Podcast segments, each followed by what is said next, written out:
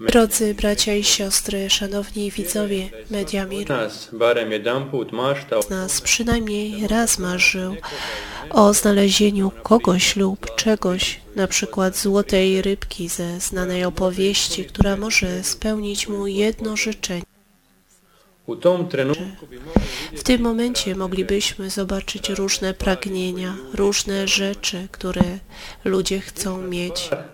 Podobna rzecz stała się z królem izraelskim Salomonem. Nie złowił złotej rybki, ale sam Bóg przyszedł do niego we śnie i powiedział mu, proś o to, co mam ci dać. Salomon mógł o cokolwiek poprosić Boga. Mógł poprosić Boga o inne królestwo, mógł poprosić o bogactwo lub długie życie. Ale Salomon był świadomy, że przez to nie osiąga się wszystkiego. Mając to ma się tylko małą część, bo ile wart jest dla człowiek,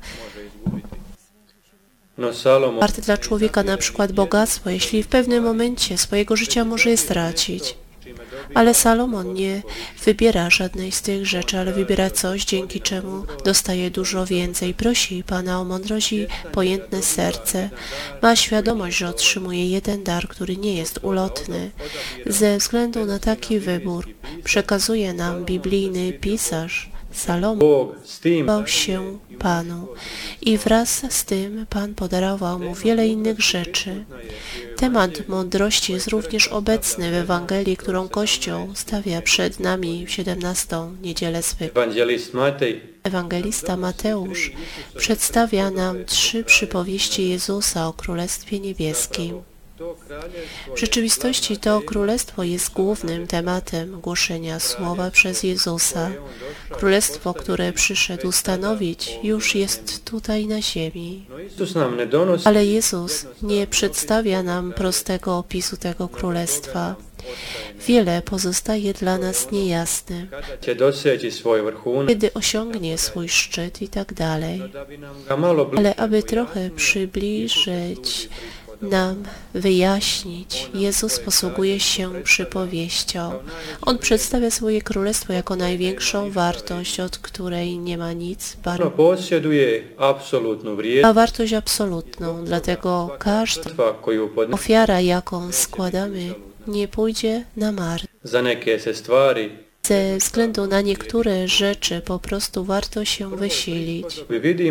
Tej przypowieści widzimy człowieka, który przypadkowo znajduje ukryty skarb, rozumiał ile jest wart i chce to wziąć dla siebie, ale nie chce go ukraść, chce go przy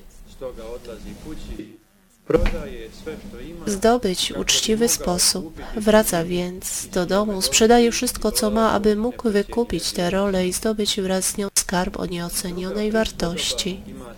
Druga przypowieść ma podobny temat, ale różni się częściowo od pierwszej. Ewangelista opowiada nam o kupcu. on znajduje drogocenną perłę i działa tak samo jak człowiek z roli. Wraca do domu, wszystko wyprzeda, żeby móc kupić ten čovjeka zauważyć, że obaj mężczyźni posiadają ogromną mądrość i potrafią ocenić w życiu.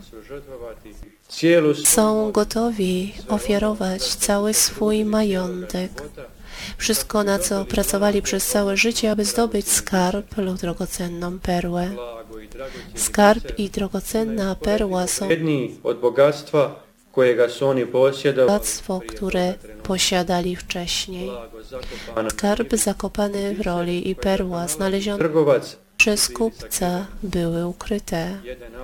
Jeden z autorów mówi, że otkriva ili pronalazi ona ne ovisi od nas samih ona nie zależy od nas samych. Nie jesteśmy tymi, którzy potrafią powiedzieć, ile warta jest dana rzecz. Nieczęsto się zdarza, żeby ktoś znalazł. potrebno je biti strpljiv W moich poszukiwaniach musimy być cierpliwi i mądrzy. Takie rzeczy mogą nie być atrakcyjne w przeciwieństwie do rzeczy materialnych, które na co dzień przyciągają naszą uwagę. nas Jezus wzywa czy abyśmy umieli cenić prawdziwą wartość rzeczy, abyśmy nie dali się zwieść blaskiem i wspaniałością tego świata. Ich blask jest ulotny, nie trwa wiecznie. prava vrijednost Wartość ukryta jest tylko w Jezusie Chrystusie. On jest najcenniejszą rzeczą, to znaczy skarbem i perłą, którą możemy odnaleźć. Kiedy odkryjemy Jego piękno, wszystko inne w naszym życiu powoli zyskuje. Stavimo, Jeśli umieścimy Go na pierwszym miejscu, wszystko inne będzie miało odkrycie tego właściwego i prawdziwego skarbu w naszym życiu, czyli Jezusa Chrystusa, nie jest całkiem łatwe. Wymaga wysiłku i starań. Sami trzeba oddać wszystko, co mamy, wyrzec się wszystkiego, tak jak zrobił to człowiek, który w roli, choć na pierwszy rzut oka przedstawia się to jako, żeby sprzedać wszystko, co posiada, tylko po to, żeby kupić jedną rolę, która na pierwszy rzut oka nie ma żadnej wartości. To mówi nam, że drogocenne rzeczy są poznajemo. Ili najpoznajemy, a może nie chcemy ich rozpoznać. Nie chcemy ich szukać, ponieważ wymaga to od nas pewnego wysiłku i starań. Daliśmy się zwieść logice, która nadaje absolutną wartość temu, co widzialne i namacalne. Te rzeczy są dla nas bardziej interesujące i staramy się o nie w naszym życiu. Bóg wymaga od nas, abyśmy mieli serce mądre i pojętne, jak traži Salomon. Wymaga od nas, abyśmy nie kierowali się ludzką logiką, lecz Bożą. Logika ludzka wydaje się nam bardziej atrakcyjna, ponieważ nie wymaga wielu wyrzeczeń i oferuje nam szybkie rozwiązania. Ale te rzeczy są przemijające. Jezus Chrystus może nie wydawać się atrakcyjnym dla niektórych myślą, że jeśli wybiorą Go w swoim życiu, wiele stracą. Ale wybierając Jezusa, otrzymujemy wszystko. Dzięki Niemu wszystko inne w naszym życiu nabiera prawdziwe. Draga braćo i sestre, Drodzy bracia i siostry, przesyłamy Wam to przesłanie z Medjugorja, chcąc połączeniu z Wami wszystkimi. Wierzę, że wielu z Was, a także wielu innych pielgrzymujących do tego miejsca Cijeno znalazło w nim drogocenny skarb i perłę o nieocenionej wartości. Chrystusa. To właśnie w Medjugorju wielu odkryło na nowo wartość wiary. Było moc modlitwy i sakramentów świętych. Przedstawia się to jako nasz największy skarb, jaki Pan może nam dać tu na ziemi.